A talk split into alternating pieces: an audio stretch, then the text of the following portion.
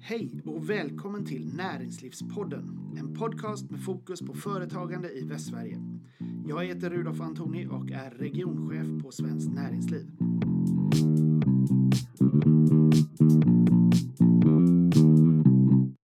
Ja, då sitter jag här med eh, Rickard Holm eh, som är näringslivsansvarig i Strömstad kommun.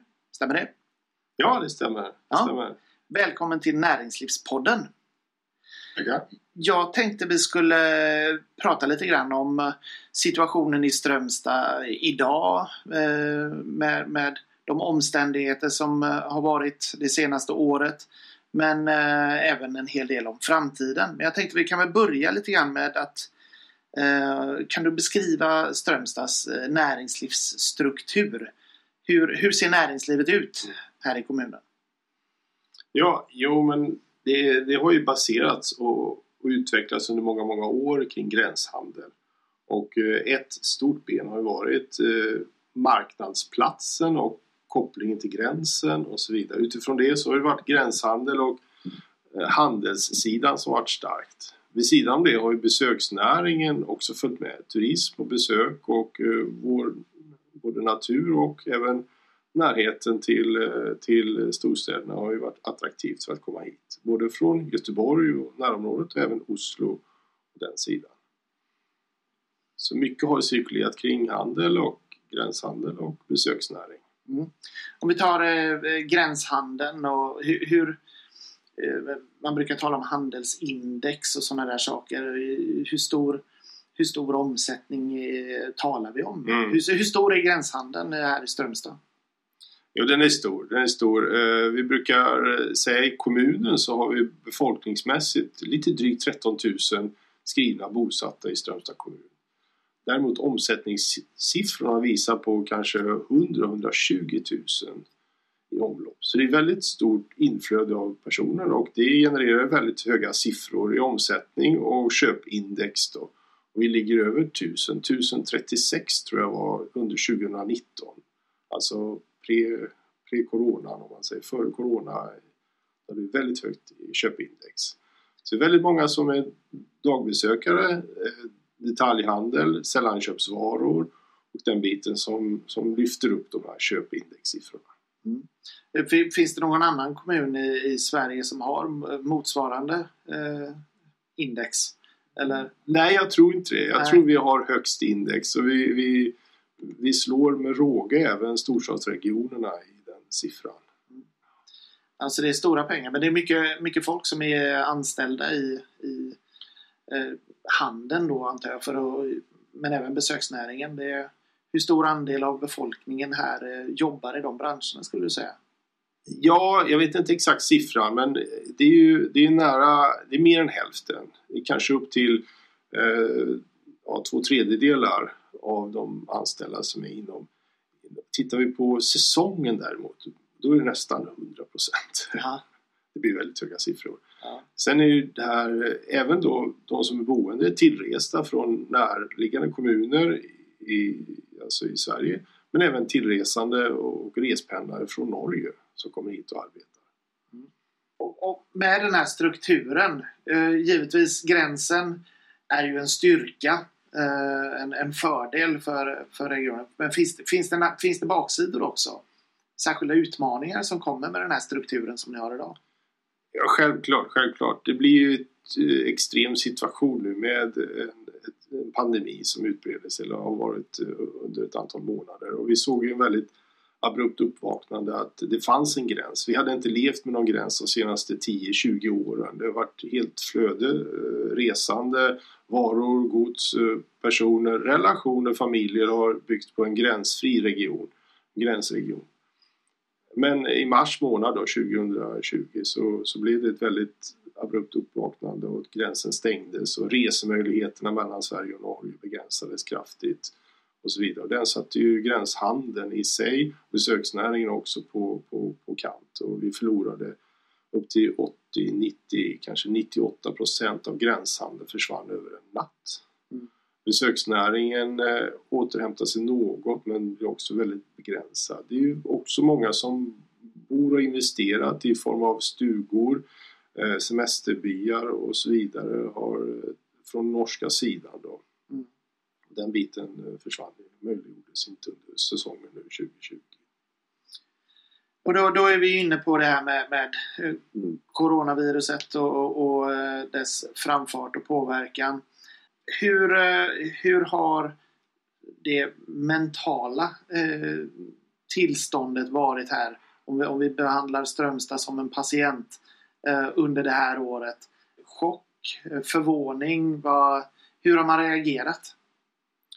Jag tror till att börja med var det mycket av en chockartad situation. Att eh, eh, Vi hade inga signaler eller indikationer på att någonting skulle förändras innan då, både på utifrån näringslivet eller företagsplaneringen fanns ju ingenting med på kartan att det skulle stängas eller förändras och så vidare. Personligen så är ju ett väldigt integrerat samhälle så det blir också en väldigt stor förändring att inte få träffa sina nära och kära och, och samtidigt då se att eh, tiden rullar på och det händer ingenting. Den här lite typiska apatiska situationen. Det, vem händer? Vem ska säga vad? Hur, hur gör vi? Och så vidare tyvärr så såg vi att det utmynnade i en form av polarisering där, där gränsen blir en mer vattendelare mellan Sverige och Norge. Och vi försöker att balansera det här. Det är många goda krafter, både personer, individer, företag som försöker möjliggöra alla möjliga former av att jobba hemifrån, distansarbete och även hitta eh, familjestrukturer. Jag har själv sett att eh, vid de mindre gränspassagerna. Där på lördagarna åker man upp, tar med sin fikakorg och sin campingbord och sätter sig på gränsen bokstavligen och sitter på varsin sida och fikar tillsammans. Ja, det är fint.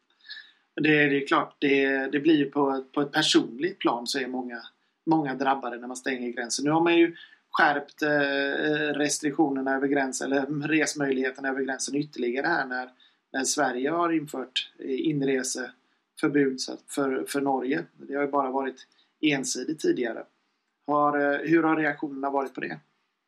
Jo, jo, en viss förståelse har funnits där, infunnits att man måste fortsätta och, och bekämpa pandemin och smittspridning och så vidare. Tillsam, samtidigt kan man också säga att det, det, är en viss trötthet och det är väldigt uppgivet på så sätt att de tycker att det borde vara över vid det här laget. Vi har gått med pandemin nu nästan eh, tio månader och vi vet inte riktigt vad slutet är här och så vidare. Så det skapar ju en viss eh, samlande kraft men också en moraliserande sänkning och lite på arbetslivet också. Även om man då har fått stöd, statligt stöd och hjälp och så vidare så är det just den här meningsfullheten i sysselsättningen som är viktig att bibehålla. Så vi pratar lite grann om att lyfta det här kollektiva självförtroendet i samhället. Både näringslivet, i olika offentliga organisationer och verksamheter men även också på personliga planet och familjerelationer. Hur har eh, samarbetet eller samverkan mellan kommunen och, och näringslivet sett ut under den här perioden? Hur har ni från kommunens sida agerat och hur har företagen hanterat situationen? Ja, eh, kommunens roll i samhällsbyggnaden har förstärkts helt klart med coronasituationen och den, den problematik både i lokalsamhället men också gränsregionala.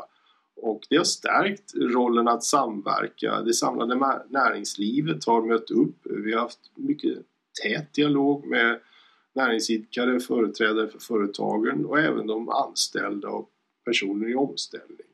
Och till det har vi också stärkt upp det, dialogen mellan de övriga kommunerna, via kommunförbund och även inom regionen, Västra Götalandsregion. Vi pratar om flernivåsamverkan som ett, från kommun till region till, till det offentliga Sverige mot eh, departementen framförallt. Det är ju två departement som vi pratar med regelbundet, Näringsdepartementet och utrikesdepartementet. För vi har utrikeshandelsminister och vi har eh, landsbygdsminister. Och hur, hur, har de konkreta effekterna sett ut? Vi talar om nedgång i handeln och sådär men hur, hur har, har, vi sett med, är det, är det många som har blivit av med jobben? Är det mycket konkurser? Hur, hur har företagen tagit sig eh, genom den här krisen så här långt? Ja, nej, helt rätt. Det, det har ju givit effekt och vi har ju nära kontakt med Arbetsförmedlingen och de olika myndigheterna som bevakar det här. Vi tittar ju på, det finns en, en, en varselvåg som vi identifierade ganska tidigt eh, på förhösten som vi sen också lyfte upp till dialog med, med framförallt med departementen och eh, även via regionerna och pratade om hur ska vi möta den här varselvågen. Vi försökte vara från kommunens sida proaktiva i, i det samarbetet och det här är långt utanför det kommunala förvaltningsuppdraget. Men vi såg ändå som eh, statens förlängda arm ut i lokalsamhället. Vi har inte så mycket offentlig närvaro här av naturliga skäl. Vi har haft låga arbetslöshetssiffror, vi har haft eh, hög sysselsättningsgrad bland de unga 18 till 24 år. Vi har varit en kommun som har välkomnat instegsjobb och eh, nyanlända och personer som kan komma in på arbetsmarknaden. Vi har haft, haft ett bra klimat tack vare handel och besöksnäring som har varit en första steg oftast in i arbetslivet. Och eh, rent konkret eh, åtgärder, har, det, har ni från kommunens sida gjort några eh, förändringar för att stötta företagen, några aktiva insatser så att säga? Ja, ja jo, jo, vi har uppmanat och hjälpt till då i diverse olika lättnader från, från kommunens sida i form av hyreslättnader där vi kan hjälpa till. Vi har hjälpt till med diverse olika coronaanpassningar i form av värdar, vi har haft företagslotsning och så vidare.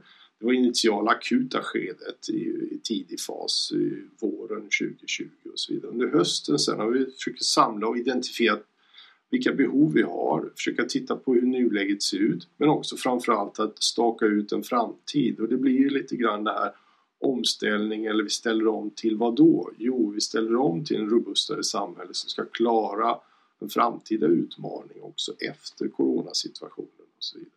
Och det här utbildnings eller omställningsarbetet eh, det omfattar också utbildningsfrågor, kompetensförsörjning och även stöd både till företagen och till de anställda eller individen.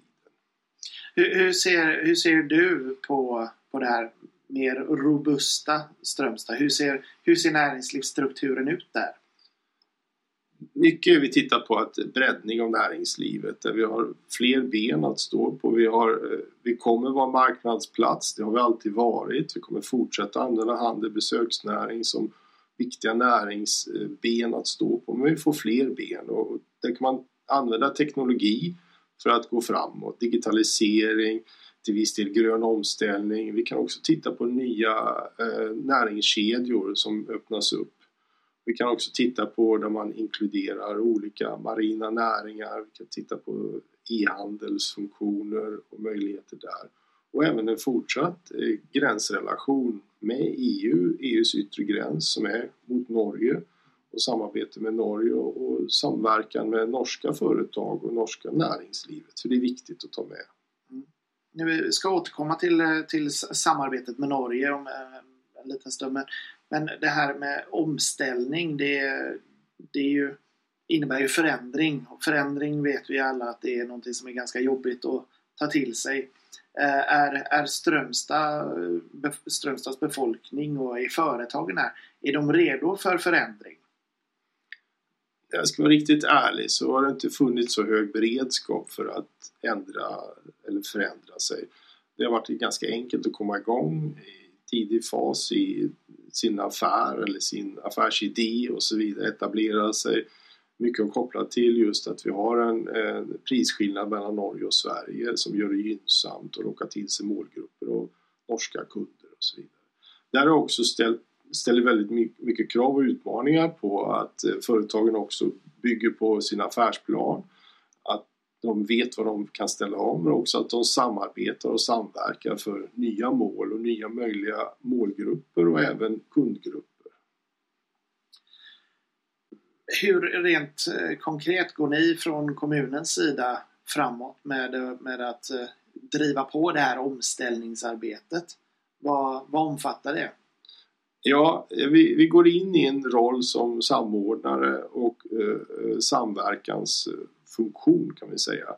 Där vi hjälper till då dels dialogen med myndigheter och olika aktörer bakom till exempel stöd för företagandet men också stöd till den anställda. Vi vill prata helst om anställda för vi vet att när det kommer ut arbetslöshet så är det andra mekanismer som, som hjälper upp där, omställningsprogram och så vidare. Mm. Det, det sammantaget måste samordning och där kring också titta på vilka insatser som får mest sysselsättningseffekt kan vi säga. Och det är där vi tittar väldigt mycket på nu. Hur ska vi formera det här? Vilka intresseorganisationer ska vi jobba med? Hur ska vi måla upp en bild på till exempel ett framtida scenario där vi har breddning av näringslivet men samtidigt tillvarata de befintliga näringsstrukturerna och arbetsmarknaden som finns. För det är ingen nedläggning eller direkt nedstängning eller konkurs. Utan det är en situation som har gjort ett pausat läge i situationen. Vi vet att omställningen kan betyda att man måste antingen styra om eller addera till någon del, en komponent i affärsutvecklingen för varje enskild företagare. Men vi ser också på de här övergripande funktionerna och då är svensk kommunen som naturlig del att vara del i omställningen. Mm. Om vi tänker på, på Strömstads självbild. Eh, är det, är det så att det på en ganska grundläggande nivå måste, måste förändras? Måste få en ny bild av vad det är som är Strömstad och Strömstads näringsliv? Och... Jo precis, jag pratade lite grann tidigare om det kollektiva självförtroendet. Ja. Det är viktigt att höja det. Och det är ju både från individ, eh, samhället som sådant och näringslivet i synnerhet. Och det här lyfter, det finns en väldigt mycket kreativitet som föds vid en kris. Vi försöker använda krisen att investera oss ur den situationen. Använda kreativiteten att leda framåt till en omställning som, som anpassar oss både utifrån vår unika situation, Strömstad, Strömstad kommun, närheten till Norge och, och, och i samordning med, med kringliggande kommuner och regioner. Slutligen relationen till Norge och, och flödet över gränsen. Jag, eh, vi talades vid tidigare här och, och, jag fick höra att, att Svinesundsbron firar 75 år till sommaren. Eh, sommaren 2021. Det stämmer. Eh, vore ju väldigt trevligt om den faktiskt var öppen då mm. och flödet var igång men det vet vi inte riktigt. Men den här stängda gränsen, vad, vad tror du den eh, kan få för, för långsiktiga konsekvenser? Eh, om, man om, bortser från, från stängningen och tänker att vi öppnar upp igen. Hur, hur kommer flödet att komma tillbaka? Eh, kommer relationerna att vara de samma? Vad, vad tror du blir den långsiktiga påverkan av att faktiskt gränsen har varit stängd och en del hårda ord har uttalats från båda sidor i, i den här relationen? Ja, ja det, det är en svår fråga att svara på men jag kan försöka lite grann och, och, det vi har identifierat och blivit varse om det är just den polariseringen som, som trots allt har kommit. Nu vill jag understryka att det på det stora hela så finns det väldigt gott samarbete på lokal nivå, alltså mellan gränskommunerna på varsin sida av gränsen, även mellan regionerna och, och även upp mot eh, regeringsrepresentanter. Men trots allt så ser vi en viss polarisering på gatorna. Precis som du säger, hårda ord som har utvecklats mellan varandra. Det är en väldigt pressad situation att behöva testa sig och hela tiden gå med någon form av demonliknande känsla av att när får jag Corona eller inte och så vidare. Eh, näringslivet mår inte bra. Det familjära mår inte heller speciellt bra att differentiera. Det barnbarn vars eh, farföräldrar och morföräldrar inte har kunnat träffas på många månader förutom digitalt och så vidare. Relationer där man har parrelation med en norsk och en svensk och så vidare. Vi vill försöka överbrygga det här självklart och vi vill använda till exempel Svinesundsbrons 75-årsjubileum som en, som en förbrödring återigen för att förenas och, och jobba tillsammans. Vi har som sagt varit en gränsregion som inte haft en fysisk gräns på, på 20-30 år och egentligen att gå tillbaka till andra världskriget nu situationen som vi ser uppe i Svinesundsområdet. Mm. Men det är sannolikt en, en eh, lång process och den kommer nog att behöva hanteras på något sätt. Ja, jo, dessvärre så tror jag att det, det, det, kan ta ett tag. Det kanske tar flera år att bygga tillbaka. Jag tror rent, eh, om man säger återkomst till den nya normalen, det kanske vi aldrig får uppleva utan vi kommer kanske återhämta oss bitvis eller delvis. Eh, både volym, omsättning och så vidare. Förbrödringen däremot, den kan ju faktiskt gå fortare. Vi vet att vi har väldigt starka band mot Sverige och Norge. Vi har sett kriser tidigare historiskt. Men vi vill hitta de här goda eh, sammankopplande bitarna mellan befolkningen helt klart.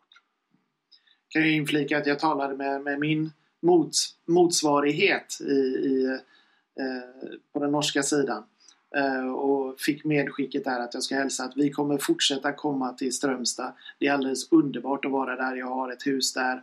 Eh, det här är ingenting som långsiktigt kommer påverka någonting. Så att det kan jag skicka med dig. Ja, vi sträcker alltid ut en varm hand till Norge. Likadant. Tack så mycket för att du var med i Näringslivspodden. Tackar. Du har lyssnat på Näringslivspodden, en podcast om företagande i Västsverige. Jag heter Rudolf Antoni och är regionchef på Svenskt Näringsliv.